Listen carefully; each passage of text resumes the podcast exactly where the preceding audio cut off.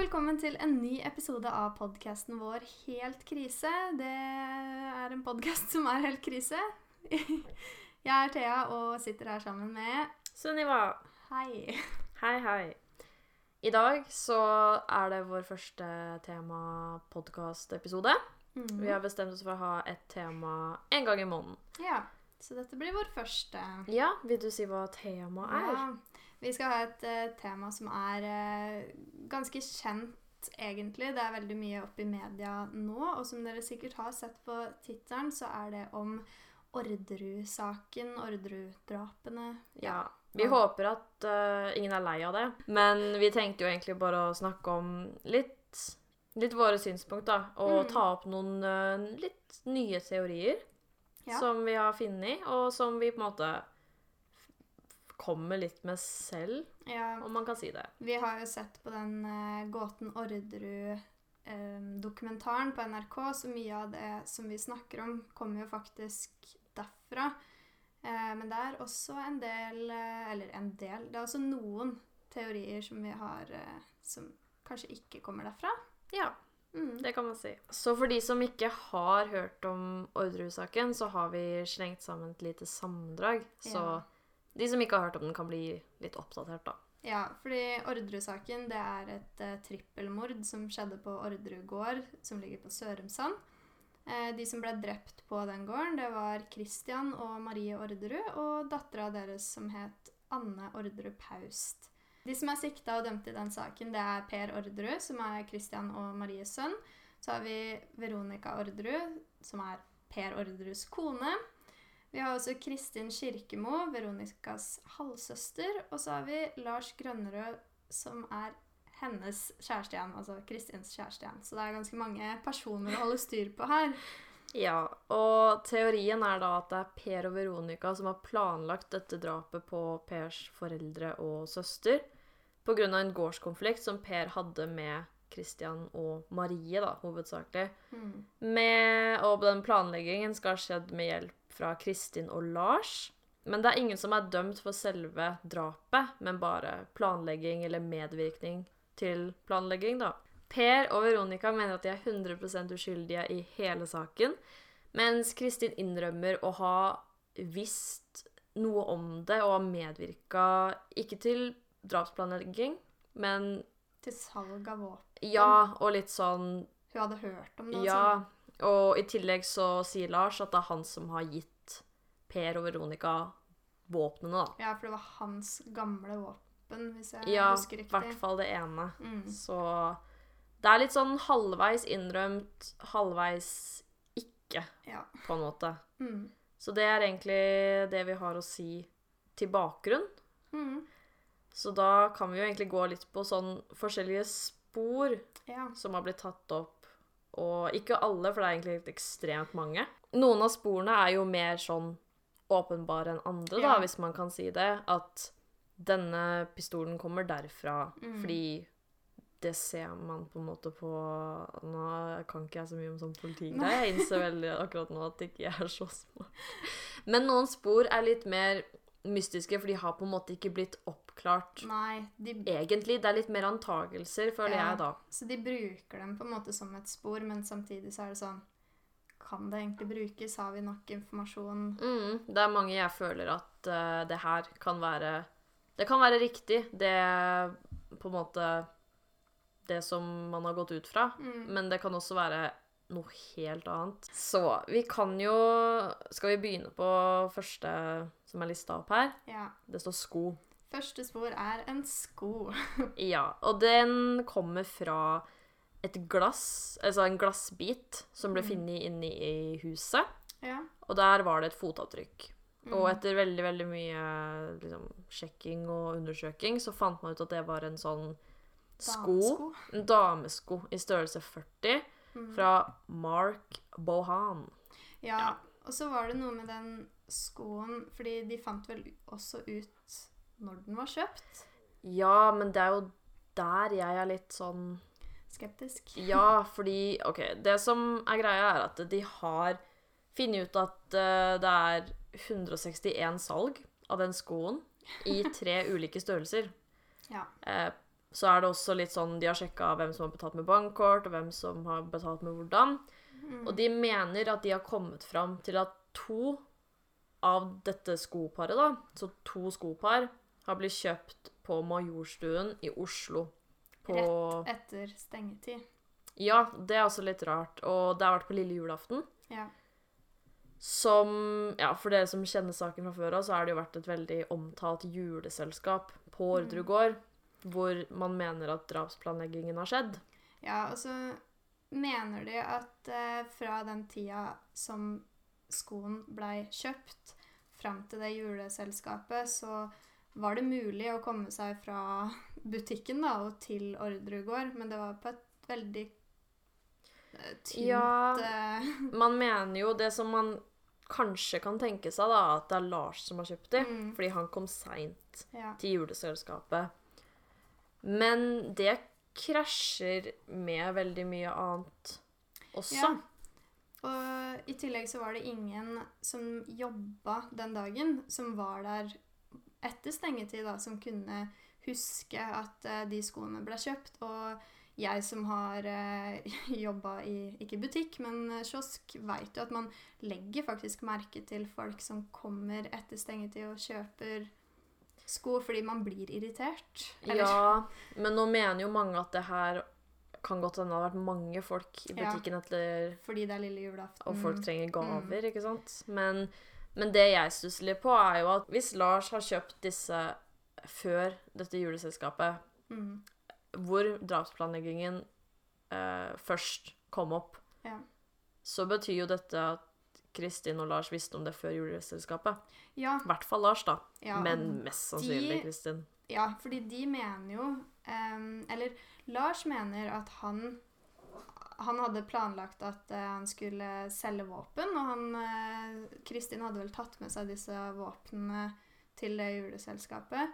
Men de mener jo begge to at det her var At det drapsplanlegginga da, som skjedde lille julaften, det visste jo ikke de om på forhånd. Nei, Lars sier jo at han ikke har vært med på det. Ja, Men hvis Og- dem, en av dem skulle ha kjøpt disse skoene Altså hvorfor Det kunne jo vært en julegave eller et eller annet sånt piss, men hvorfor skulle de kjøpt det? Men det er jo noen som har stussa på også dette med at de bruker så dyre sko. Mm. Men det tenker jeg egentlig ikke.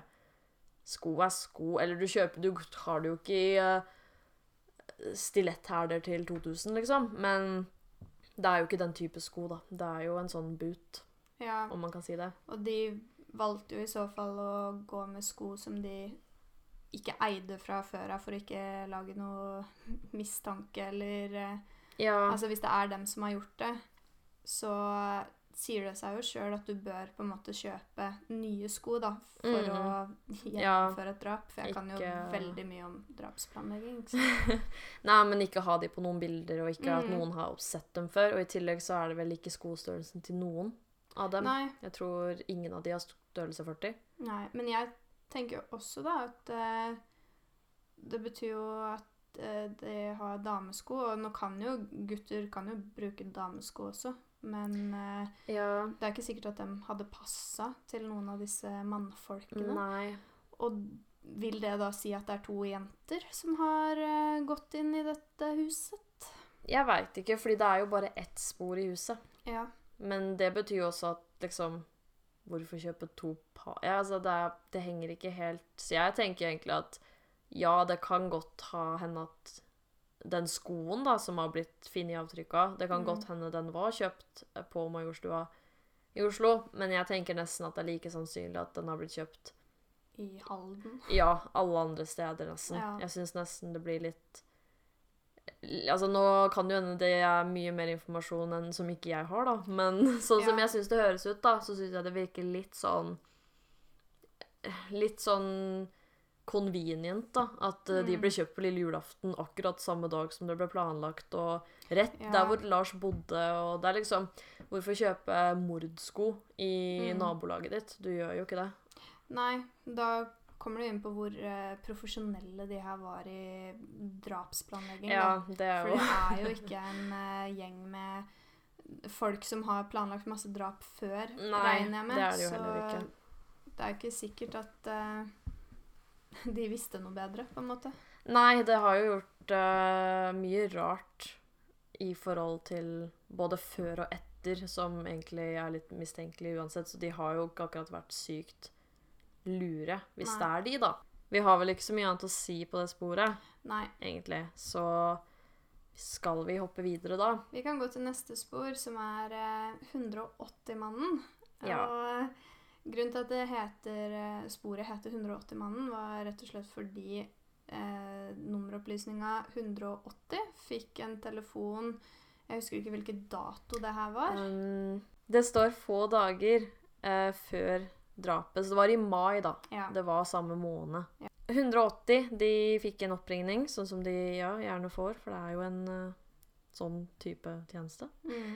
Og den, da var det en mann da, som ringte, og da har altså dette vitnet, som er hun som var satt og var på jobb og fikk telefoner, hun sa at han hadde sagt at han visste at alle tre, altså Christian, Marie og Anne, de skulle være hjemme på Sørumsand. Og han sa at han skulle drepe dem, og de har lidd nok. Så da, for å finne ut hvem det var som ringte, da, for det var jo ingen som visste hvem det var som ringte, så tok de jo et uh, søk på alle som hadde ringt inn den dagen. For tydeligvis så visste jeg ikke når på dagen det her Hun husker nok ikke hvilken dag det er heller, tror jeg. Nei, for de hadde i hvert fall et stort søk der de fikk ganske mange tusen mulige treff. Ja. Så de gikk jo rundt på hvert enkelt treff de fikk, med hvert eneste familiemedlem og bedriftgreier som kunne ha ringt inn da, fra den og den telefonen, som hadde ringt inn i løpet av en periode. Eh, og så kom de vel fram til at eh, det var noen som hadde ringt inn fra huset der Kristin Kirkemo og Veronica Orderud var oppvokst. Fra, Ja. fra en eh, De hadde en bedrift i kjelleren der som var noe sånn eh, ja, kjøreselskap. Det var søstera til Kristin og Veronica og kjæresten hennes Ja. igjen som hadde en bedrift som de pleide å ringe, de pleide å ringe til 180 da, ganske ofte. Og Mm. liksom ringe for å finne kunder. Ja. Og da hadde Det var vel broren som hadde vært eh, liksom på jobb da, og drivet og ringt rundt den dagen. Og så mente han at han eh, hadde tatt en eh, pause, og det var i løpet av den pausen at den telefonsamtalen til 180 som de mener er 180-mannen, da, som har ringt. Ja. Og det er jo ingen som tar på seg det. Eh, det var i tillegg bursdagsfeiring, Mm. så det var ganske mange fremmede og de som bodde der, var også i huset. Ja. Så det var liksom Det var ikke bare de som bodde der, men det var i tillegg gjester. Ja, så det kunne være veldig mange som faktisk har vært inne på det rommet og ringt den samtalen. Men det var sånn Det var ti minutter etter han eh, Ja. broren gikk ut av rommet. Så det er ganske eh, risky, da. Når du ser at en person går ut av kontoret sitt du vet jo ikke hvor, vet, Man vet jo ikke hvor lenge han blir borte. Nei. Så går du inn og ringer en så drøy samtale. Og den varte en stund òg. Jeg tror den varte i hvert fall over ti minutter. Ja. Sånn nærmere et kvarter, kanskje. Det er vel det de tror, da. Mm. Men Jeg hadde ikke et uh, ordentlig tall på hvor lenge den varte, men den varte Nei. lengre enn en vanlig samtale til 180 ja. pleier å vare. Og så mener vel Jeg tror det var Kristin som mente at uh, Per Orderud hadde vært i det bursdagsselskapet den Ja. dagen. Han blei aldri beskyldt for å være 180-mannen sånn av uh, Hva heter det? Loven? Politi? Nei. Nei, jeg veit ikke helt hva vi skal bruke, for det er så mange påtalemyndighet og Ja, Nei, han ble fall Han fikk aldri noe sånn 'Å, du er 180-mannen', fordi eh, selv om Kristin mente at han hadde vært der den dagen, så mener han selv at hun driver og forveksler det med en annen dag. Ja, det er sant, for han hadde vært der ja, sikkert en Noen annen uker dag, da. før en Ja. helg for ja, to helger tidligere, eller et eller annet Ja. sånn, i forbindelse med en annen bursdag. Eller et eller annet. Så han mener jo selv at han aldri var der den dagen, og det har vel aldri blitt noe sånn bevist om han var der eller ikke. Nei, det er jo også ingen bevis for hvem som har vært der i det hele tatt, Nei. omtrent. Det er jo man- altså, Siden det var en bursdag, så er det jo egentlig sykt mange som har kunnet vært der. Ja, for de sa jo at eh, ja, det var familien, og så var det en venn av han og han, og så Ja, hadde den med seg en venn. og- Så det var veldig mange som var inn og ut av det huset den dagen. Men uansett så betyr det jo ja, selvsagt at det er noen som veit det, da. Mm. Men jeg tenker jo litt sånn Jeg, jeg syns Nå er jeg veldig skeptisk, da. ja. Men jeg syns også det her er litt sånn Har de tenkt seg at dette her er fra dette huset fordi de så at det var Kristin og Veronica som bodde her? jeg tror det. Ja, jeg skjønner jo at det er en sånn veldig Logisk. Ja, hvis det er sånn vi leiter gjennom mange, mange tusen mulige, de finner ingen som har noen relasjon Til noe. til noen, og så plutselig så finner de ut at det har ringt et nummer Mm. den dagen de trodde fra barndomshjemmet til Kristin og Veronica, så Ja. skjønner jeg jo at de liksom kobler det og er sånn Der, Da ja. må det være det, og da legger de alle andre Bort. bort, og så fokuserer de kun på det. Men altså, det som på en måte støtter det opp litt, er jo at ingen bare sier at 'Å, det er jeg som ringte til et firma'. Ja, For det kunne de jo, altså. ja for hadde ja. han, eh, broren eller noe, sagt sånn ja, ja, men jeg fortsatte den uh, ringerunden min uh, ti minutter seinere og ringte Ja. til firmaer for ja. å leite, så hadde jo plutselig det vært litt mer sånn OK, ja vel, da Men det er jo det at ingen liksom sier at ja, når alle nekter helt da, for å ha Mm. rørt den telefonen, så er det litt sånn Men som, jeg bare syns hele den samtalen er så rar. mm, Og en ting som Det var noen som skrev i et forum, det var jo at Hvordan veit vi at en samtale her i det hele tatt er Ja. ekte? Fordi hun, det, det er det vitnet som på en måte påstår at det har skjedd, men de Ja. har jo ikke noe opptak av samtalen. Det her går jo kun ut fra liksom hennes Et hukommelse. Og Ja. det, det vitnet snakka om det såpass lenge etter det liksom hadde skjedd også. At ja, jeg syns at hun huska veldig mye detaljer. Nå var jo det sikkert en sånn Hvis det var en samtale, samtale, ja, så er det sikkert eh, noe du husker og er sånn Hva i Mm. alle dager er det som skjer nå?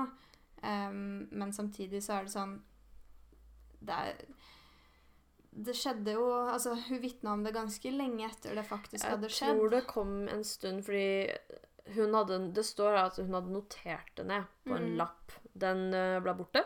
Ja. Eh, og det var først etter at hun så drapene på nyhetene, at hun, at hun ringte politiet. ja. Så det er jo liksom Altså, ikke at jeg mener at det nødvendigvis Altså, jeg veit ikke helt hva jeg mener. Jeg mener jo ikke at eh, hele Nei. tipset er fake, men Det er en rar ting å ljuge om hvis hun bare Ja, det er jo helt at eh, sjukt. Jeg skal bare finne på en historie. Men samtidig Mm. så er det mye rare folk ute i verden nå. Det kan godt hende at hun bare Å, det her eh, har jeg lyst til å fortelle, og så er det egentlig ikke sant i det hele tatt. Ja. Man veit jo faktisk ikke. Fordi nå mener jo politiet at hun er en Altså et gyldig vitne, da. Ellers så Mm. hadde de jo tatt og bare skyvet den samtalen langt til helvete. Ja. Men eh, samtidig så er det, det er ganske vanskelig å vite om liksom hun er troverdig egentlig. Ja, og jeg tror også hun også har innrømt at hun har blitt litt påvirka av har medier. det, ja. ja. jeg leste et sted, nå husker jo ikke jeg det, så vær litt kildekritisk til den Mm. påstanden min her. Men jeg føler at jeg har lest det. Ja. Men det er jo liksom Altså, jeg tenker jo at uh, Jeg velger jo å stole på at den har funnet sted, den Mm. samtalen, men jeg er litt Litt Jeg føler man bør være veldig åpen for at den her kommer fra et uh, annet hus. Ja. Som kan være en helt annen mann. I tillegg til at hvis hun hadde fortalt om det her før drapene hadde skjedd, Mm. og kommet med så mange detaljer og sånne ting før det hadde skjedd, så Ja. er det liksom sånn OK, men her ser vi at hun at hun veit faktisk ting som hun da på det tidspunktet egentlig ikke skulle vite. Men fordi Ja. at hun kunne allerede såpass mye om saken fordi den hadde blitt sluppet ut, og Ja. sånn, så kan det godt hende at det har, ja, som du sa, da, påvirka hukommelsen hennes, og at hun da på en måte tror hun husker ting som egentlig ikke stemte. At det er sånn Å ja, det her leste jeg skjedde. Ja, men han sa Ja, for det sa han jo i telefonsamtalen. Og så sa han kanskje aldri det i det hele tatt. I hvert fall når hun ikke engang finner igjen den lappen som hun noterte Ja, det ned på. det er det som er litt dumt, for det hadde jo hjulpa veldig på, Ja. egentlig. Men jeg Jeg veit ikke. Det er veldig mange som prøver å dra det til at det er Per eller Lars, da. Men jeg tror faktisk ikke det er noen av de. Jeg tror heller ikke det. Eh, Jeg tror vel egentlig ikke at det er noen som helst, egentlig. fordi- Nei, ingen spesifikke, Nei, jeg, er sånn, jeg skjønner ikke hvem det kan være. Og jeg føler det er så tynt spor også, fordi at det er så, det er så mye sånn om og hvis og men og Mhm. hvem og hvorfor og hvordan. Og de har liksom ingen beviser. De har bare antagelser. Ja, eh, og spesielt når det var såpass mange samtaler på over ti minutter, tror jeg de Mm. sjekka, så var det jo også litt sånn at Det her kunne jo Det kunne jo vært veldig mange andre. Det er jo veldig rart, da, at det har vært en sånn samtale, en så lang en, fra det huset, men samtidig Når det er en som spesifikt pleier å gjøre det på jobb, Ja. så er jo ikke det så rart heller, da. Det er jo Nå mener jo Ja. han at han ikke tok den telefonsamtalen, men igjen, hvordan kan han huske det? Sånn, Ja, det er litt det også. Husker han spesifikt at han hadde pause da? Jeg det, det er det jeg ikke skjønner. Hadde det vært dagen etter, eh, Ja. at han hadde blitt eh, spurt om det her dagen etter det skjedde, så er det liksom greit, men det her var liksom flere uker seinere som Mm. han skulle liksom huske at han hadde dopause akkurat på det klokkeslettet og sånne ting. Det, jeg syns det er veldig rart. Alt da. faller veldig tilfeldigvis bra på plass, Ja. syns jeg, uten at man egentlig har noe å gå på. Ja. Og det er det som forstyrrer meg mest med Ja. dette sporet. Eh, det neste sporet skal vi vel egentlig ikke snakke sånn veldig lenge om. Nei. Det er et uh, gymbag-spor, som Mhm. man kan si. Uh, den her har man ikke sett så mye til, føler jeg. Det har ikke blitt Nei. trukket opp noe særlig i dokumentarserien eller noen nyhet. Nei, Altså, fordi jeg hadde ikke hørt om det her før du snakka om det i stad. Så Nei. jeg har ingenting å si på dette.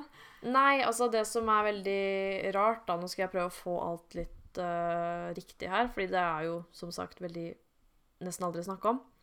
Men politiet fant en rosa bag i boden til faren til Kristin. Sverre heter han. Sverre Kirkemo. Mm. Så de fant en bag i hans bod, eller uthus, som det står her.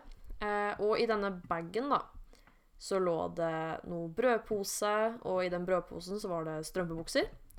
Eh, og så ble det funnet litt hår, ikke, ikke mye hår, men liksom hårstrå, da. Mm. Um, I tillegg til at det ble funnet litt sånn sokk. Ikke noe oransje sokk, holdt på å si, men um, svart sokk. Ja. I tillegg til barnåler. Um, og det som kanskje folk stusser mest på, er jo det at den brødposen, den har tekst på seg, og der står det O.G. 23.12.1998. Det er datoen til uh, juleselskapet, som var på ordre gård da. Mm. Eh, og det vet man jo ikke helt hvordan man skal tolke. Det kan jo, trenger ikke å bety Orderud-gård i det hele tatt. Det OG, kan altså. bety Noe helt Ja. Ole Gran. Det kan det jo. Og det ble funnet en parykk oppi der med barnåler i også. Og det er de barnålene man har håpa på at skulle kunne kobles til trærne da, Ja. utafor den boligen. Så Altså, jeg veit ikke helt hva slags spor dette her egentlig er, fordi man har jo ikke funnet noe særlig sånn kobling uh, som gjør at det er et litt uvesentlig spor. Det eneste er jo egentlig bare at det er litt rart. Um, Ja. Spesielt fordi Kristin nekter å ha noe med den bagen å gjøre. Men det er jo hennes bag, ja. så Men det er jo tydeligvis ikke et spor som blir brukt sånn veldig mye Nei. heller, siden jeg Nå mener ikke jeg at jeg har hørt om alle, alt og sånn i den saken, men jeg har ikke hørt om det her tidligere, og da er det sånn Da kan det ikke være et stort spor. Nei, men jeg syns det er veldig rart også, fordi det er liksom ingen som snakker noe særlig om det. Men jeg syns bare det er et veldig rart spor. Det er det. Ja, fordi hun mener at hun liksom aldri har hatt noe med denne bagen å gjøre, og det ja, for hadde jo sagt sånn Ja, ja, OG står for eh, Noe et eller annet, og den her brukte jo jeg på en fest der og der den og Mm. den dagen, og Ja. det her er jo en god forklaring på hvorfor du ting er som den. det er. Det er granbar fordi jeg drev og rulla litt, litt når jeg var dritings eller sånne ting. Da er det Altså, da er det sånn OK, men da har ikke det her noe å si. Men når hun sier nei, nei, nei den bagen er ikke min, og jeg veit ikke hvor den kommer fra, og sånne ting. Ja, så er det sånn OK, men vi veit jo at den er din, så hvorfor ljuger du? Ja, det er jo litt blod eh, funnet fra henne Funnet fra henne? Funnet på strømpebuksa fra henne, da. Mm. Som også tilsier at det er hennes strømpebukser. Ja. Så det er jo liksom Jeg vet ikke. Det er bare et rart spor jeg hadde lyst til å nevne, bare fordi jeg syns det er mystisk. Mm. Men eh, ja, jeg har ikke noe særlig mening om det, fordi det er det det er. Det er en pose og gymbag. Ja. Nei, Ja. men Da kan vi gå over til eh, neste spor, som eh, er en parkert grå bil. Ja. Em, ja, du kan yeah. starte. ja eh, jeg syns det sporet nesten er mest spennende. Ja. Fordi det er Jeg syns det virker veldig sannsynlig. Mm. Um, det her er jo egentlig like lite bevis som 180 og sko. Ja. Um, og allikevel så syns jeg det her er kjempe Det her treffer helt, liksom. Men det er vel egentlig bare fordi at jeg syns det er veldig uh, rart. Og det som er dumt, er jo at uh, de aldri undersøkte det noe godt. De Nei. la det jo egentlig helt vekk med en gang. Og Det er ikke før nå de har på en måte sett at det kan ha noe med saken å Mm. gjøre. Og i tillegg så er han som observerte denne grå bilen, da. Han er død. Ja. Eh, ja, det kan vi egentlig bare si at eh, det var en mann som hørte at det smalt i ei bildør. Mm. Det tror jeg var ca. klokka fire på natta. Ja. ja, for det var Eh. såpass sånn at han liksom reagerte på at eh, hvorfor er det noen ute Ja. her nå? Og det var jo også i et boligfelt, da. Så ja, man kan jo påpeke at noen parkerte for å Ja, ja. inn i et hus, men det er jo fortsatt et rart tidspunkt, på en måte. Ehm, han hørte en bil slå igjen døra eh, klokka fire cirka. Mm. Eh, og to timer seinere så kom det ei dame og gikk inn i den bilen her og kjørte. Mm. Cirka klokka seks, tror jeg. Hvis jeg husker de tidspunktene riktig. Ja. Og han stussa jo litt på, på måte, parkeringen og på måte, tidspunktet, og Mm. han meldte det vel inn til politiet. Eh, og de gjorde gjorde ingenting med med det. det, tror jeg. Nei, så var det vel i den dokumentaren eh, til NRK Ja. så prøvde de jo å finne ut hvordan man kunne komme seg fra der bilen sto parkert og til Orderud gård. Så de begynte å spasere bortover veien og inn i skogen, og Mhm. fant jo ut at det var jo en sti som leda så å si direkte fra der bilen sto parkert, og til baksida av ja. eh, kårboligen. Ja, ganske sånn bra line-up, da, Mm. egentlig, hvis du skal dit. De eneste gangene du på en måte kan bli sett, er jo de små delene hvor du går gjennom det nabolaget i første omgang, og Ja. så mens du krysser veien over til gården. Mm. Og det er jo ikke snakk om mye, og i et nabolag så er det jo ikke mange som er våkne klokka Nei. fire på natta, liksom. Nei, så det er bare å Um. sitte og vente i skogkanten til det ikke ser ut som at det er noen der, og så løpe over veien, og så Så er du der. mm. Um, og grunnen til at jeg mener at det er sannsynlig, er jo på grunn av Mm. tidsramma, da. De veit jo ikke når de er drept, men de har vel kanskje antatt at det er klokka fem, Ja, cirka. Og det passer jo veldig bra. det gjør det. I tillegg så Og så dreiv jeg og tenkte litt på sånn Hvorfor har ikke eventuelt denne dama kommet da og sagt at nei, det Det er ikke meg. noe mord, liksom? Nei. Men så kom jeg jo på at det kan jo også hende at eh, Jeg vet ikke helt om det er lov til å si, håper jeg å si. Lov til å anta. Men jeg drev og tenkte på at hvis det her er ei dame som kanskje er ute på noe litt eh, utroskap, Ja, så vil du jo ikke komme fram og si at det er meg. nei. Men jeg Men du ville jo gjort det hvis det var snakk om drap. Ja, men jeg syns også det er veldig rart å parkere bilen sin Ja, det er sant, da. der, for det er sånn Sånn halvveis i et kryss, sånn cirka. Ja, var det det var liksom ikke på noe gårdsplass, og man kan finne altså, man kan finne en eller annen parkeringsplass eller et eller annet hvis du bare, hvis du bare er utro da, på Ja. vei til denne mannen og ikke vil bli sett, så er det bare å parkere på en eller annen parkeringsplass på et eller annet sted, og så Går gå det? derfra. Ja, det Men hvorfor parkere der? Og det er Ja. da det er litt sånn Fordi at det her er så bra lina opp med den stien og hvordan man kommer seg til akkurat der Ja. på Orderud gård, så er det litt sånn Hm.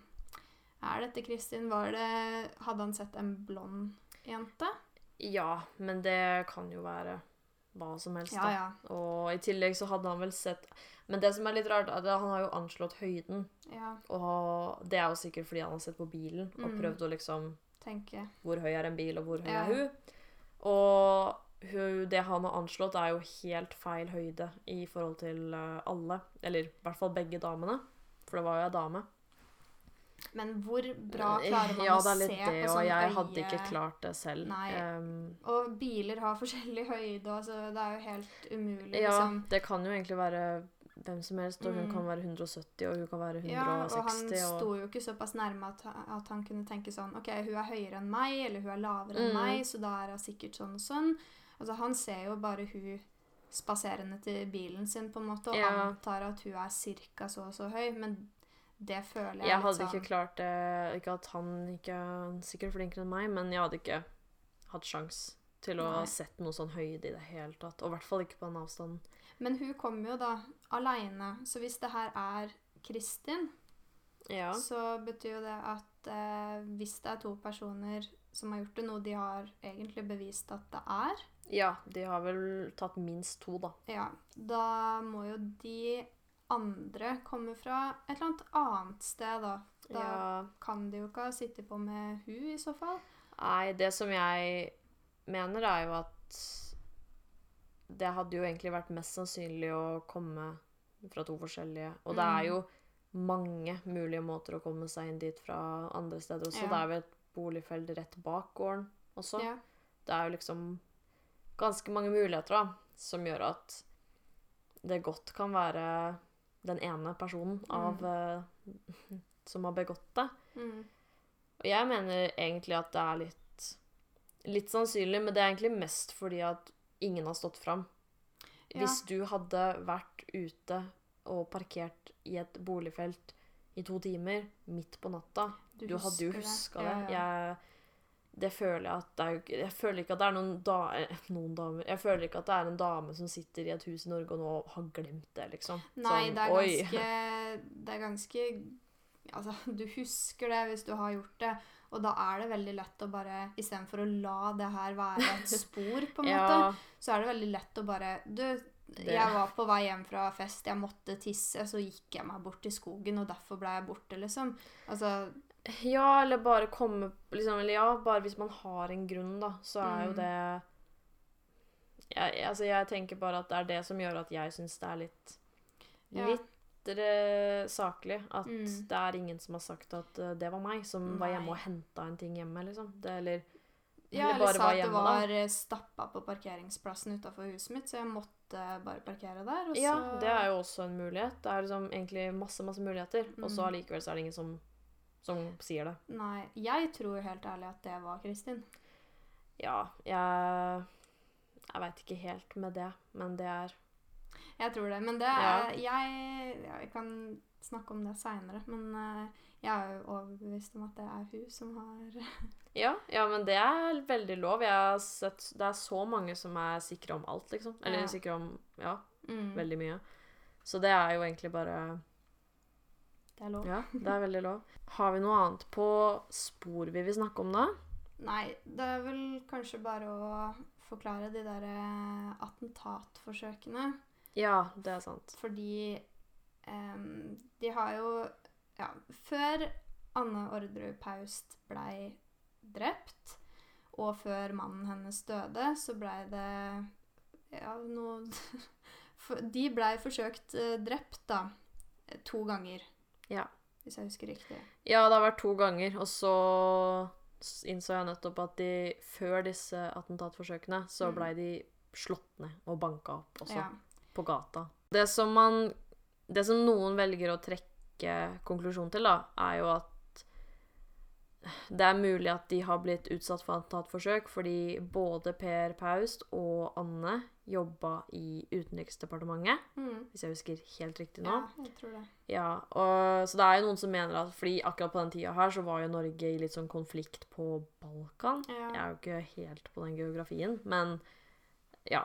I på en måte Jugoslavia, Ja. litt eh, det området, da. Mm. Så det er jo noen som mener at eh, det her var politisk Ja. motivert. Litt heller sånn at Ja, hva skal man si? At de ble utsatt for attentatforsøk i forhold til det. Eh, Mm. og de attentatforsøkene, da, forresten, det Mm. var eh, Det første var en eh, Hva skal man si? Dynamitt, sprengstoff under bilen Ja. til eh, Anne. Eh, og det andre var at noen hadde forsøkt å tent på bensin som var lagt i en sånn stripe, da. Det var en sånn bensinstripe fra leiligheten og ut, som var forsøkt påtent, og som også leda opp til en propanapparat. Ja. Som, altså Hvis den hadde blitt påtent, så ville det på en måte resultert i en stor brann da, som mest sannsynlig ville drept i hvert fall ekteparet. Og mest sannsynlig hele blokka. Ja, altså nesten. veldig mange andre også. Så Mhm. det var jo veldig seriøse mordforsøk. Det var jo ikke noe sånn eh, Noen tulla litt, liksom. Det var jo reelt Her prøver noen å drepe dere. Ja. Samtidig så har jeg jo sett at det var ikke veldig bra utført. Det var vel ikke engang noen mulighet for å tenne på den dynamitten. Eh, Det var vel bare dynamitt i en liten rull. Ja, og hvorfor Altså, om det da var et drapsforsøk eller bare en sånn trussel, det er litt sånn Ja, det er litt vanskelig å si. Ja. Eh, men samtidig, da, når det her skjedde, var det året før de ble drept, eller det var- Eh, ja, det var veldig tett opptil, da. Ja, det var ikke så lenge før, i hvert fall. Så er det veldig sånn Det er veldig lett å trekke en tråd mellom drapet og de her attentatforsøkene, fordi Ja. Ja, hun har blitt forsøkt drept opptil flere ganger tidligere, og mm. folk har gått til angrep på henne, og så plutselig blir hun og foreldrene drept. Eh, og da kan det jo være sånn OK, vi går inn for å på en måte drepe henne, og så er foreldrene i veien, fordi hun sover jo over hos dem. Så det, Ja, det ja, kan det jo være en mulighet. Mm. Eh, for det går jo inn på at det er veldig mange som tror at det her er noe Ja, det er jo veldig mange teorier, og Altså, jeg er veldig usikker på hele det derre Jugoslavia Ja. og mafia og Jeg syns Altså Jeg syns jo hele greia er litt klønete. Ja. Samtidig som at hvis det var meningen, da Mm, Hvis du skyter noen ekstra skudd i veggen så det ser ut som du ikke Ja. har noe kontroll Da, da kan, er det jo ikke mafia lenger. Du er jo Ja. enten så er det her på en måte veldig bra dårlig planlagt. ja. For at det skal ikke trekke noe tråd til dem, da. At de er sånn fordi Altså, de mener jo at eh, det her ikke er mulig. At det er noe mafia eller noe sånt som har Ja, for det er så mye tull. Ja, det er sånn derre Det er så dårlig planlagt. Det er så mye teit som har skjedd, så de hadde ville gjort ting på en helt annen måte. Men så er det sånn Hvis de er så flinke til å planlegge, da, så kan det Ja, hende at det her er Ja, det er jo bare å gjøre er noen små Ja. tabber. Selvfølgelig så gjør jo det risikoen for å bli tatt på en måte litt mer sånn Mm. Nei, jeg veit ikke. Den gjør det kanskje ikke større.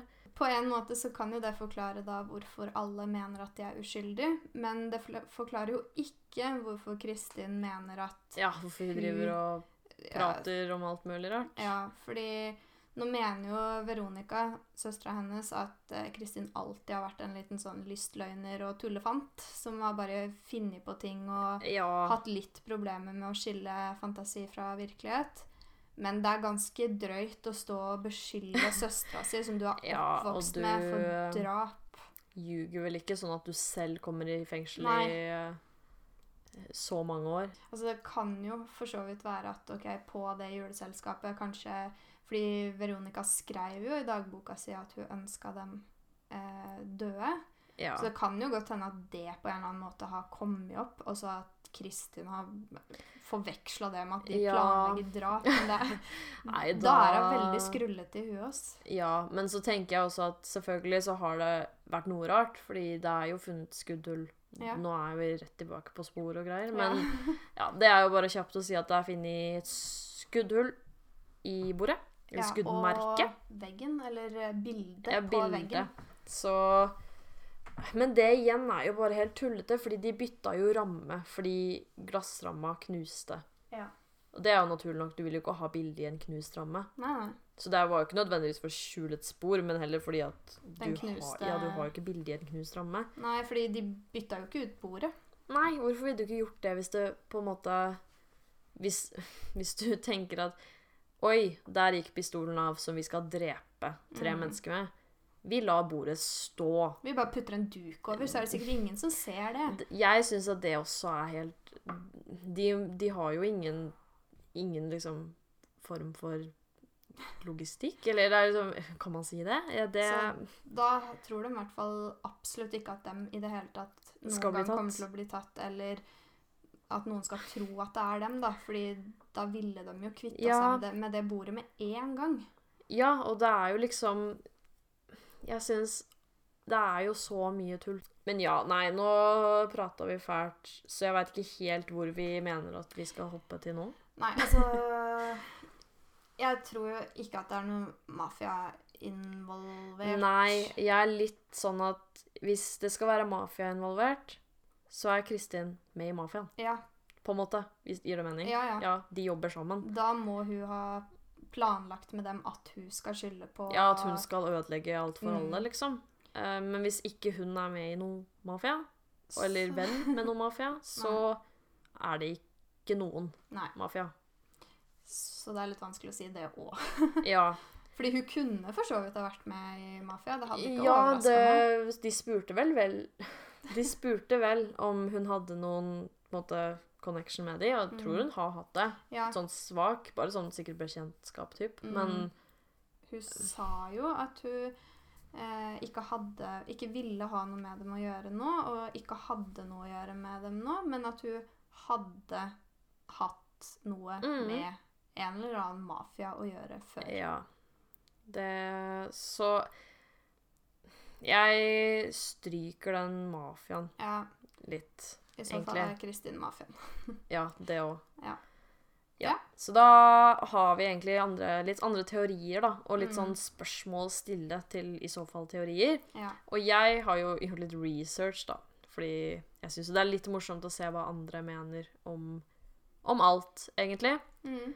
Eh, så jeg har jo vært på litt forum, eller forum, som jeg, noen liker å si. Eh, nå har ikke jeg vært på noe veldig profesjonelt forum. Nei. Jeg har vært på Kvinneguiden. Så det er litt sånn synsing og Det er sånn. mye synsing, men jeg har funnet liksom ting som jeg tenker litt sånn uh, Jaha. Fordi det er faktisk noen teorier som mange er bak. Mange okay. enige.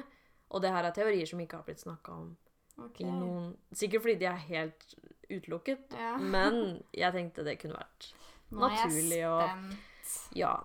Um, jeg har først en ting som jeg har tatt et uh, skjermdump av. Og dette er noen som veit hvem 180-mannen er. Okay. Uh, personen skriver jeg, Det er ikke sikkert det er jente selv om det er Kvinneguiden, men det er iallfall en person sier Rolf Nybakk er 180-mannen. Riktig alder, har hatt nok kontakt med Anne, vært på gården uten å være derfra, blitt lovet en klekkelig sum av, av Per om konflikten løser seg, prøver å fjerne motivet til Per på drapsnatten, ville aldri blitt mistenkt. Hmm. Men mange av de tingene her passer jo med veldig mange. Ja. Bortsett fra dette med å fjerne motivet til Per, da. ja. Men Og det er jo ingen andre som har blitt lovlig, lovet en klekkelig sum. Men Har vi bevis på at han har blitt lovt den summen? Nei. jeg tror det her bare er tull. Um, Ja. Pluss at Rolf Nybakk det er en advokat. Jeg tror det er advokaten til Per. Ja. Eller Hvorfor- hva, jeg husker ikke hva han heter, men ja, kanskje det er det. Hvorfor skulle han ringe? Det er, nei, det her Den, den stryker vi.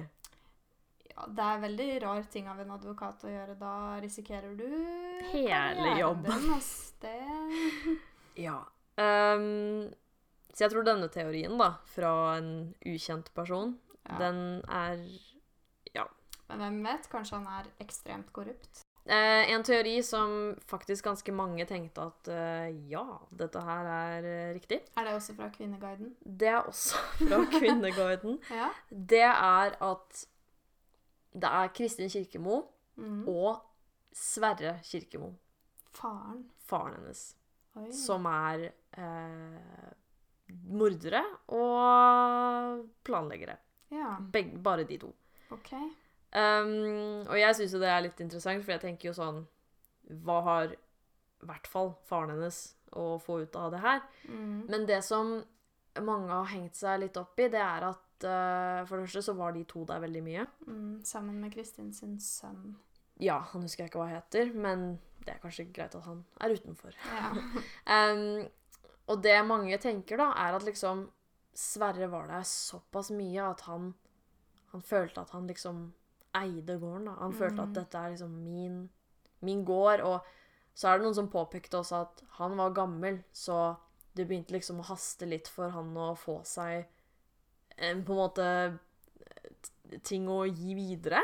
Ja. Gir det mening? Ja, det var noen som mente det. At han, han ville ha gården til Kristin og sønnen hennes, da. Mm. Og ettersom eh, Veronica og Per løst hadde prata på at den gården her kunne gå til sønnen til Kristin Det står faktisk i testamentet deres.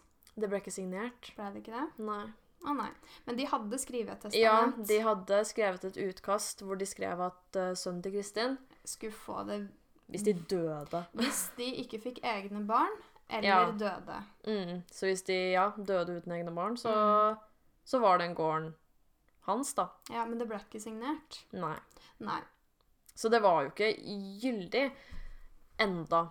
Men det kunne vært. Det kunne jo blitt det, men noen har, et, har da en teori om at, om at Sverre og Kristin har planlagt dette drapet Mm.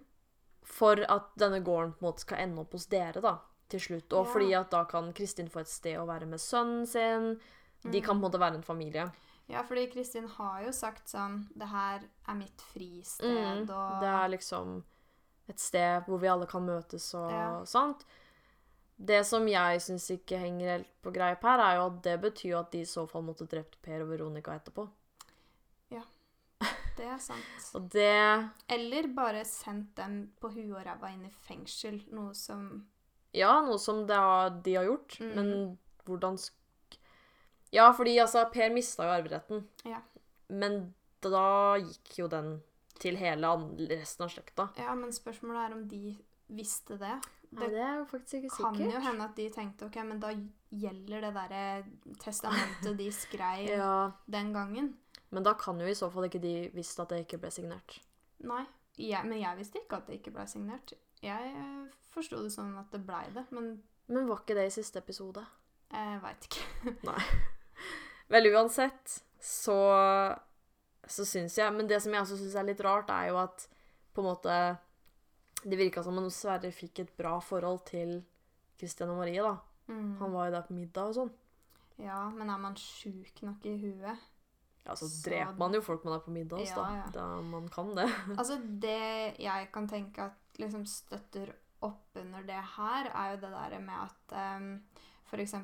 Veronica og Kristin har jo to veldig forskjellige historier av hvordan barndommen deres var, med Ja. faren og hjemme og sånne ting. Veronica mener jo at det her var ikke et bra familieforhold. At Mm. uh, ting hjemme ikke var så lett og sånne ting. Mens eh, Kristin er veldig forsvarlig og bare Vi har aldri hatt noe problemer. Faren min er fantastisk, ikke sant? Ja, det er jo- noe- Det virker som om det er de som har tettest forhold, Ja. og det er hun som er fave. Ja, og det kan jo også være en sånn greie som eh, si, hun sier for å på en måte gjøre at det virker som om Veronica ljuger. Ja, er litt gæren og Kanskje ikke gæren, da. Nei, men, men at ljuger. hun ikke er troverdig. Og hun sier jo det hele tiden nå, at 'jeg snakker sannheten'. Veronica har drevet og ljugd hele tiden. Og, Ja, det er Eh, egentlig sant. og Veronica har jo sagt at grunnen til at hun har ljugd, er fordi at hun vil beskytte søstera si. Det er ikke sikkert at det er sant, men Nei, nei. Men Det- Kristin har jo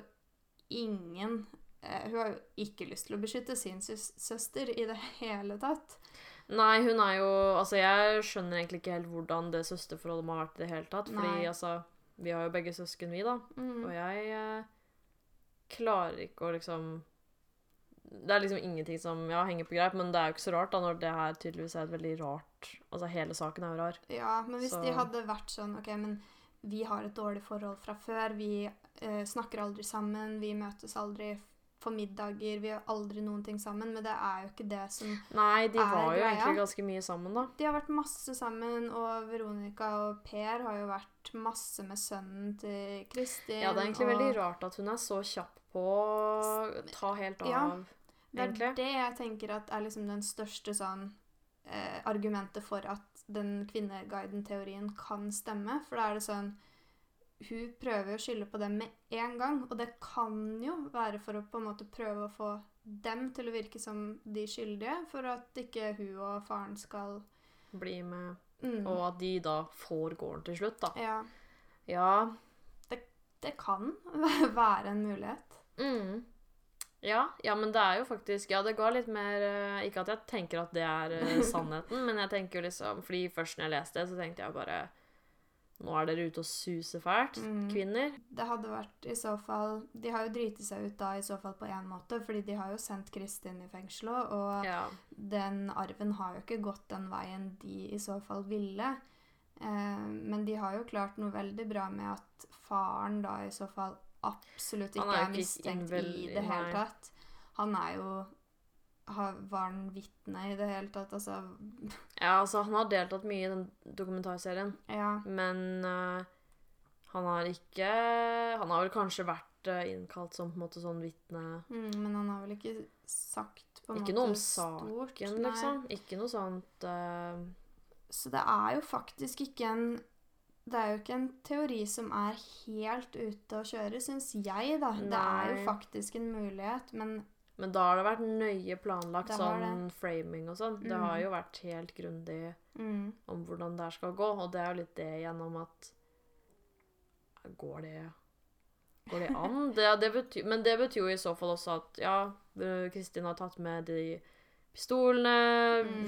skyte i bordet og veggen ja. eventuelt, og liksom planta det som en sånn Ja, her har Mm. det foregått våpensalg. Fordi det som jeg stusser litt på, er jo at den eneste som forteller hele historien, Mm. det er Kristin. Ja. Fordi Lars er med på at ja, våpen Mm. har blitt solgt, men med en gang Kristin liksom går inn på at drapsplanlegging og liksom våpentrening og Lars Ja. sa at sokkene skutta på skoene og sånn, da er jo Lars helt sånn nei, det har aldri skjedd. Nei.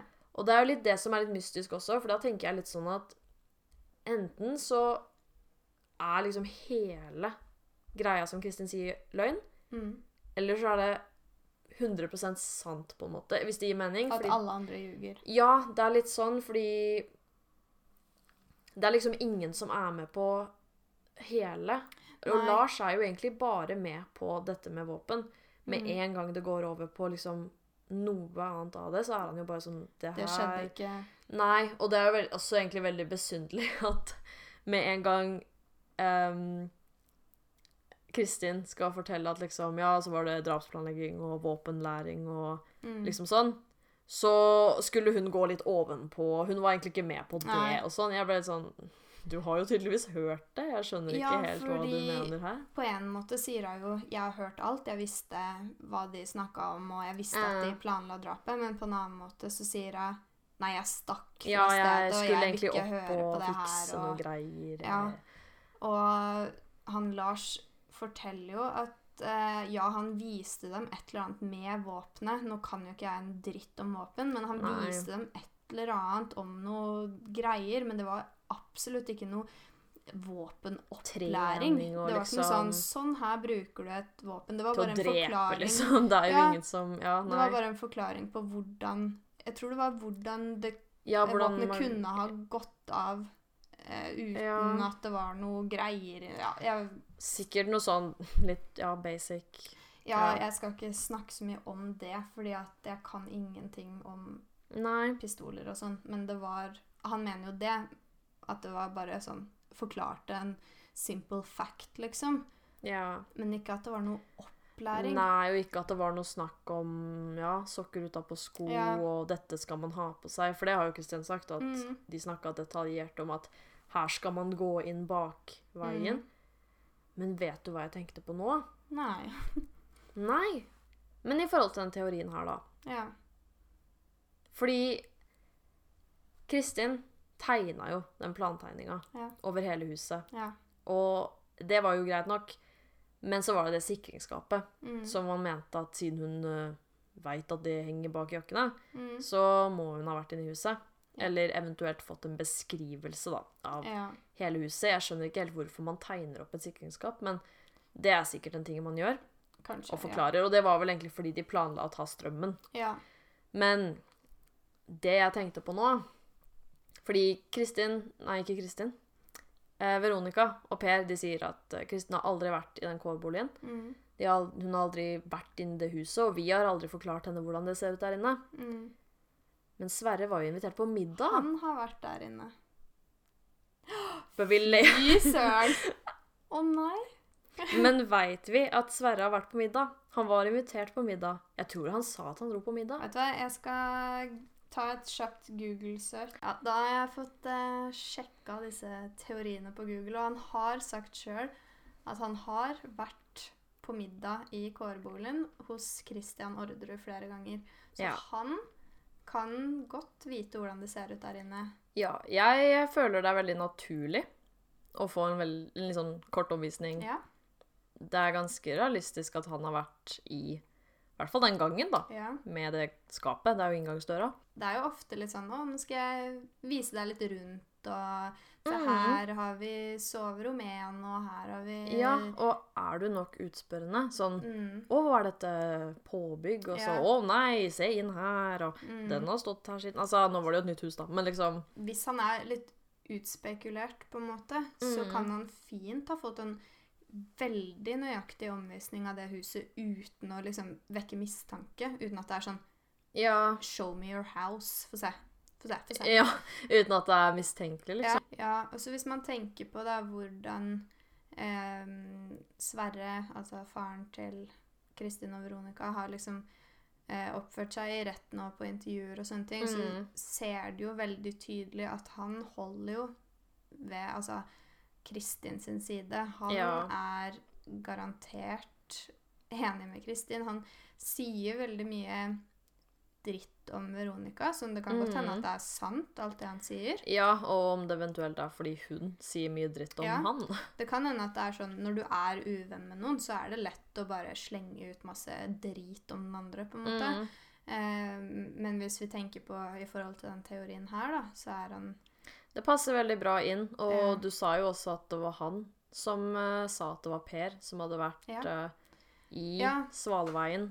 Uh, og kunne ha ringt 180, da. Ja, fordi jeg sa jo i stad at eh, det var Kristin som hadde sagt at det var Per, men eh, på dette Google-søket mitt så så jeg at det var faktisk eh, Sverre som hadde fortalt Eller det var han som hadde plassert Per Orderud på ja, i Svaleveien Mm. under den bursdagen, og mener at det er han som kunne vært 180-mannen. Og det er jo ingen andre på den bursdagen som verken Ja. mener om de har, at de har sett han eller ikke. De Nei. har jo verken sånn Ja, han var der, eller han var ikke der, for det var så mange der. Men det er ingen som har tatt opp, da, før, nei, før han.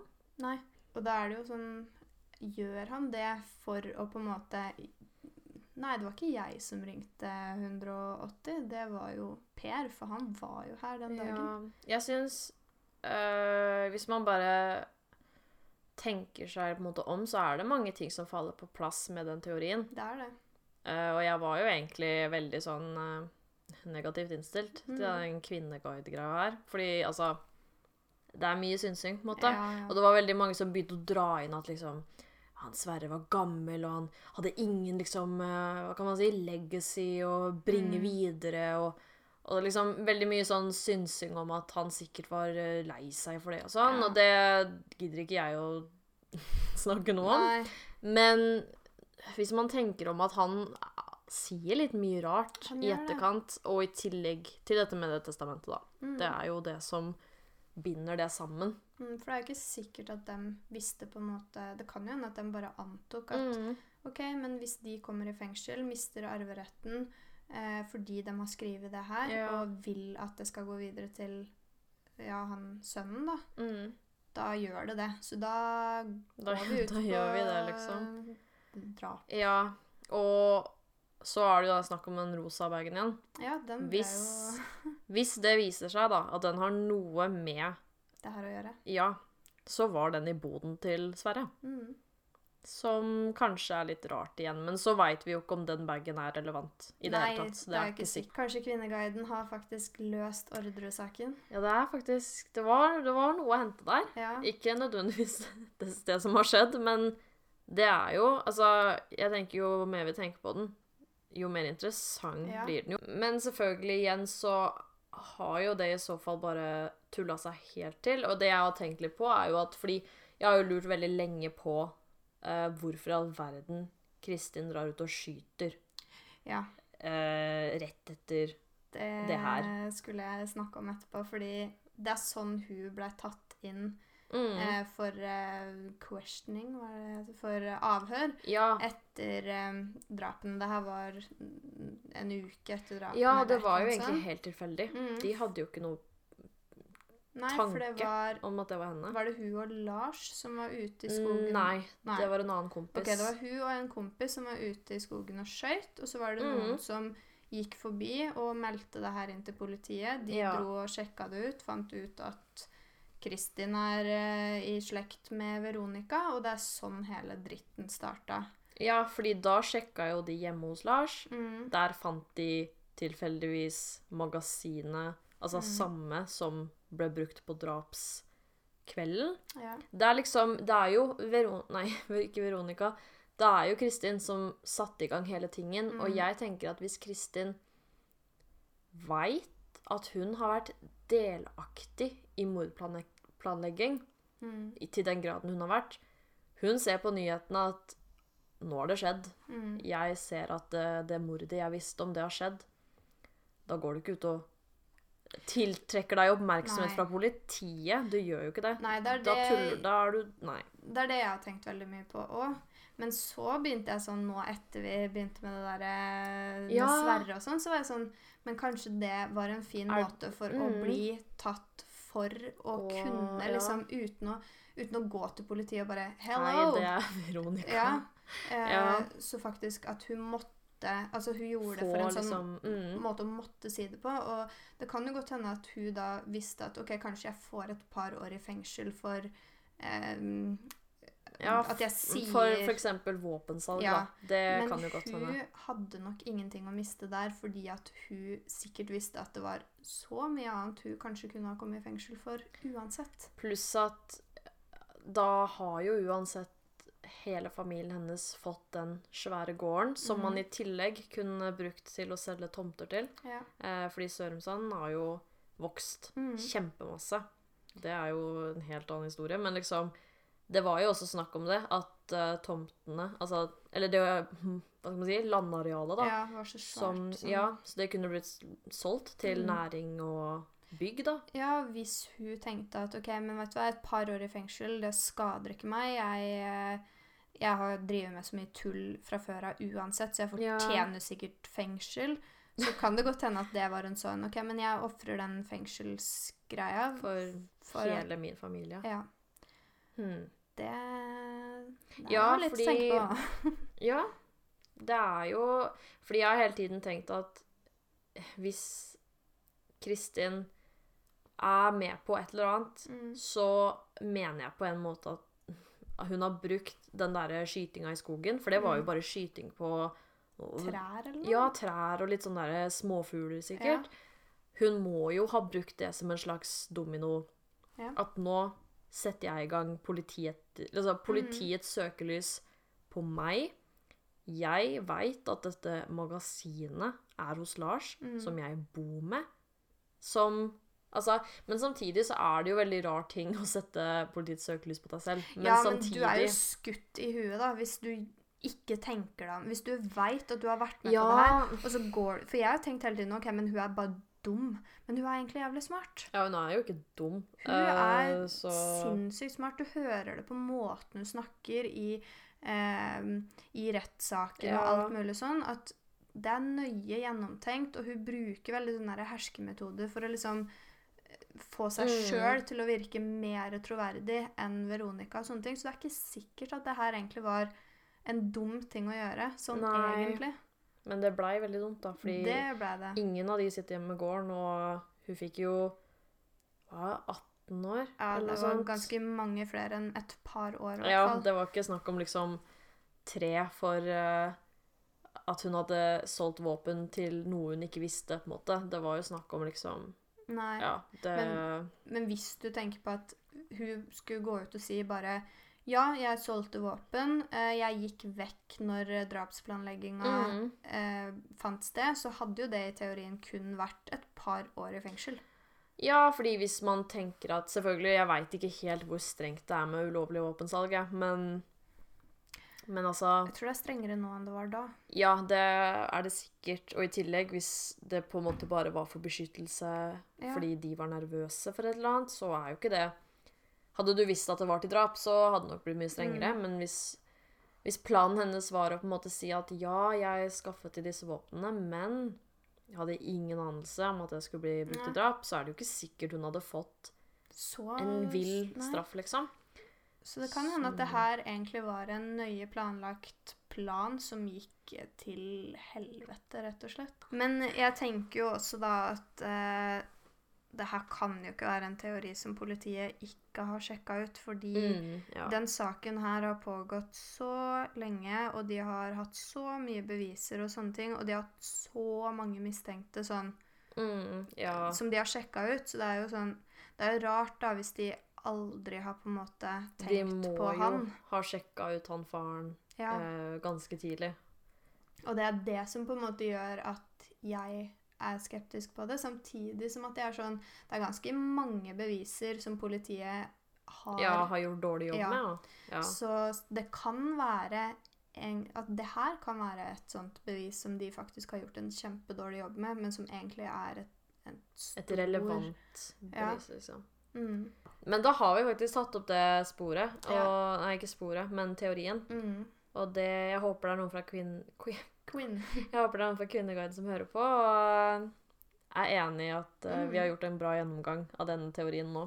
Ja, Så vi skulle jo egentlig ta opp noen flere teorier. Ja. Er det noe her vi ikke har prata om nå? Altså, det eneste er at um, Det jeg tenker på, da, det er at Per og Veronica slapp ut av fengsel for tre Tre ja, år siden? Tre år siden cirka, tror jeg. Kristin slapp ut litt tidligere, og Lars litt tidligere der igjen. Ja. Så alle har jo vært ute av fengsel noen år. Mm. Um, og det er jo Per og Det er jo Per og Veronica som har valgt nå å ta opp igjen saken, og valgt å ville på en måte etterforske det her mer. Ja. Og jeg tenker da, når du har sona hele dommen, du er ferdig med fengsel, ja. du har ødelagt, eller fått 14 år av livet ditt ødelagt i fengsel, ja. Ville da en som er skyldig risikere å ta opp saken? Fordi ja, de blir vel ikke dømt på nytt? Uh, Nei. Men jo. Eller det, det kommer vel an på, da, hvis de da dømmer dem for, For selve drapet. drap så kan de få en ny Ja, det er faktisk sant. Så hvis, uh, hvis de veit da at de er skyldige i det drapet her, ja. Uh, hvorfor i liksom. alle dager Ja. Tør de å ta opp igjen saken? Fordi de kunne vært ferdig, de nå. De kunne bare vært sånn OK, men Ja. samme det. Vi er ferdig, vi vil gå videre. Sånn som Kristin gjør. Kristin vil ikke ha noen ting med den her gjenopptakelsen av Nei, sag Og ikke Lars heller. Nei. Vil jo ikke det. Det kan jo bare være fordi at han er redd for å få en lengre dom, f.eks., eller han bare vil være ferdig, og det samme kan være med Kristin. Mm. Jeg mener jo det at hvis de er skyldige, så ville ikke de tørt å ta opp igjen saken nå. Hva er det? Hva har de å vinne på det? Ingenting. De har jo De har sona dommen. Ja, altså det ville jo i så fall vært erstatning da.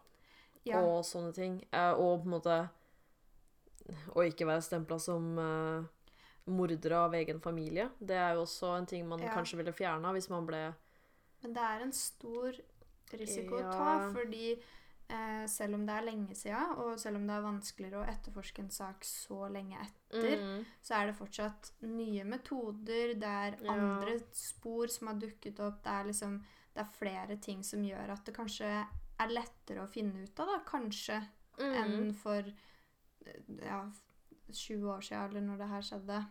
Ja. Ikke så lenge, men ja. Jo. Jo, fordi Jo. det var året etter at vi ble født. Ja. Så Eh, så det er jo sånn De kunne jo da risikert å bli dømt for selve drapet. Sitte livstid i fengsel. Jeg veit ikke helt hvorfor de skulle tatt opp igjen hvis de er skyldige. Nei. Det syns jeg er veldig Det er jo rart. Ja. Samtidig som at er det noe igjen for å virke uskyldig? Men samtidig, det blir jo et veldig drastisk, ta, drastisk steg å ta, da. Ja. Fordi hvis du erklærer liksom gjenopptaking og masse undersøking bare for å vise at se så mye vi gjør, vi er Mm. uskyldige, så har jo det en konsekvens også. De har jo brukt Det- helt sinnssykt mye penger, for Ja, eksempel, det på det sant, her. faktisk. Så selv om Altså hvis det hadde bare vært sånn vi er ute etter en erstatning eller et eller annet sånt, så ville jo det på en måte kanskje dekt litt mer enn alle de utgiftene de har sittet igjen med, da, med Ja. advokater og alt mulig rart. der, ja. Det er jo, de har jo brukt helt sinnssykt mye penger på det her. Mm. Og nå sier jeg ikke det at det er en, et bevis på at noen er uskyldig, men Nei. det er en veldig rar ting å gidde å bruke penger på hvis du uansett veit at ja, ja, jeg er skyldig og samme, på en måte. Ja, men ja. Det er jo et viktig poeng, da. Så Ja. hvorfor tar de det opp, Ja. egentlig? Mm. Og Mm. det kan jo også være bare for, å, for at folk skal tenke det vi tenker, da. Hvorfor tar de den opp hvis de Er skyldige, ja. mm. Mm. Har vi noe mer eh, teorier? Jeg har ikke noe mer uh, som jeg kommer på, Nei. så Det er jo litt sånn Man kan jo snakke om f.eks. den gårdskonflikten og alt det greiene der, men uh, Ja, det er sant, det har vi egentlig snakka litt om, men uh, man kan google det. det Det er nesten raskere å ta og sjekke det Mm. sjæl. For det er, også en, det er jo en stor teori, og det er vel det Ja. største grunnen til hvorfor Det er jo det hele dommen deres på en måte er basert Mm. rundt. At Ja, det er derfor de på en måte ja, Ikke derfor de er dømt, men det er liksom det man regner med at det er grunnen Ja. til at eh, de ble drept, da. Ja. eh, Jeg tror det finnes ganske mye beviser både for og imot hvorfor det kan være en grunn. Men uh, har vi snakka nok om teorier nå, kanskje? Ja, jeg tror uh, Altså, vi kommer jo ikke fram til noen ting uansett. Nei. Det blir jo bare diskusjon. Og nå har vi jo også ikke snakka om helt utrolig mange andre Ja, ja. spor. Det er en egen sporoversikt på VG Mm, som uh, for de som bryr seg, kan sjekke ut, holdt på å si. ja. Men der er det altså mye, mye mer som vi ikke har gått inn på. Vi kan jo ha en sånn liten konklusjon om kanskje hva man kanskje tror, da. Så Åh, det er vanskelig. Um, men jeg har en slags liten. Okay. Ikke en, ikke en konklusjon på hele saken, selvsagt, Nei. men jeg har en konklusjon Det du heller mest mot, på en måte.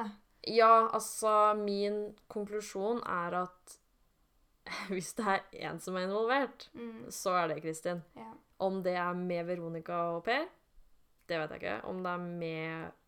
Mafiaen eller Ja. faren, så veit ikke jeg det. Men er det én person som jeg mener er dømt riktig, så er Mm. nok det Kristin. Ja. Fordi hun dukker opp Ja. overalt, og hun er den eneste som forteller noe som helst. Mm. Så det er min tanke. Ja, jeg er veldig enig i det, fordi nå er jeg egentlig veldig sånn at jeg stoler blindt på det folk sier ofte. Når folk sier 'jeg er uskyldig', så tenker jeg 'OK, så, Ja. å, så fint, da har du ikke gjort det. Hvem har gjort det?'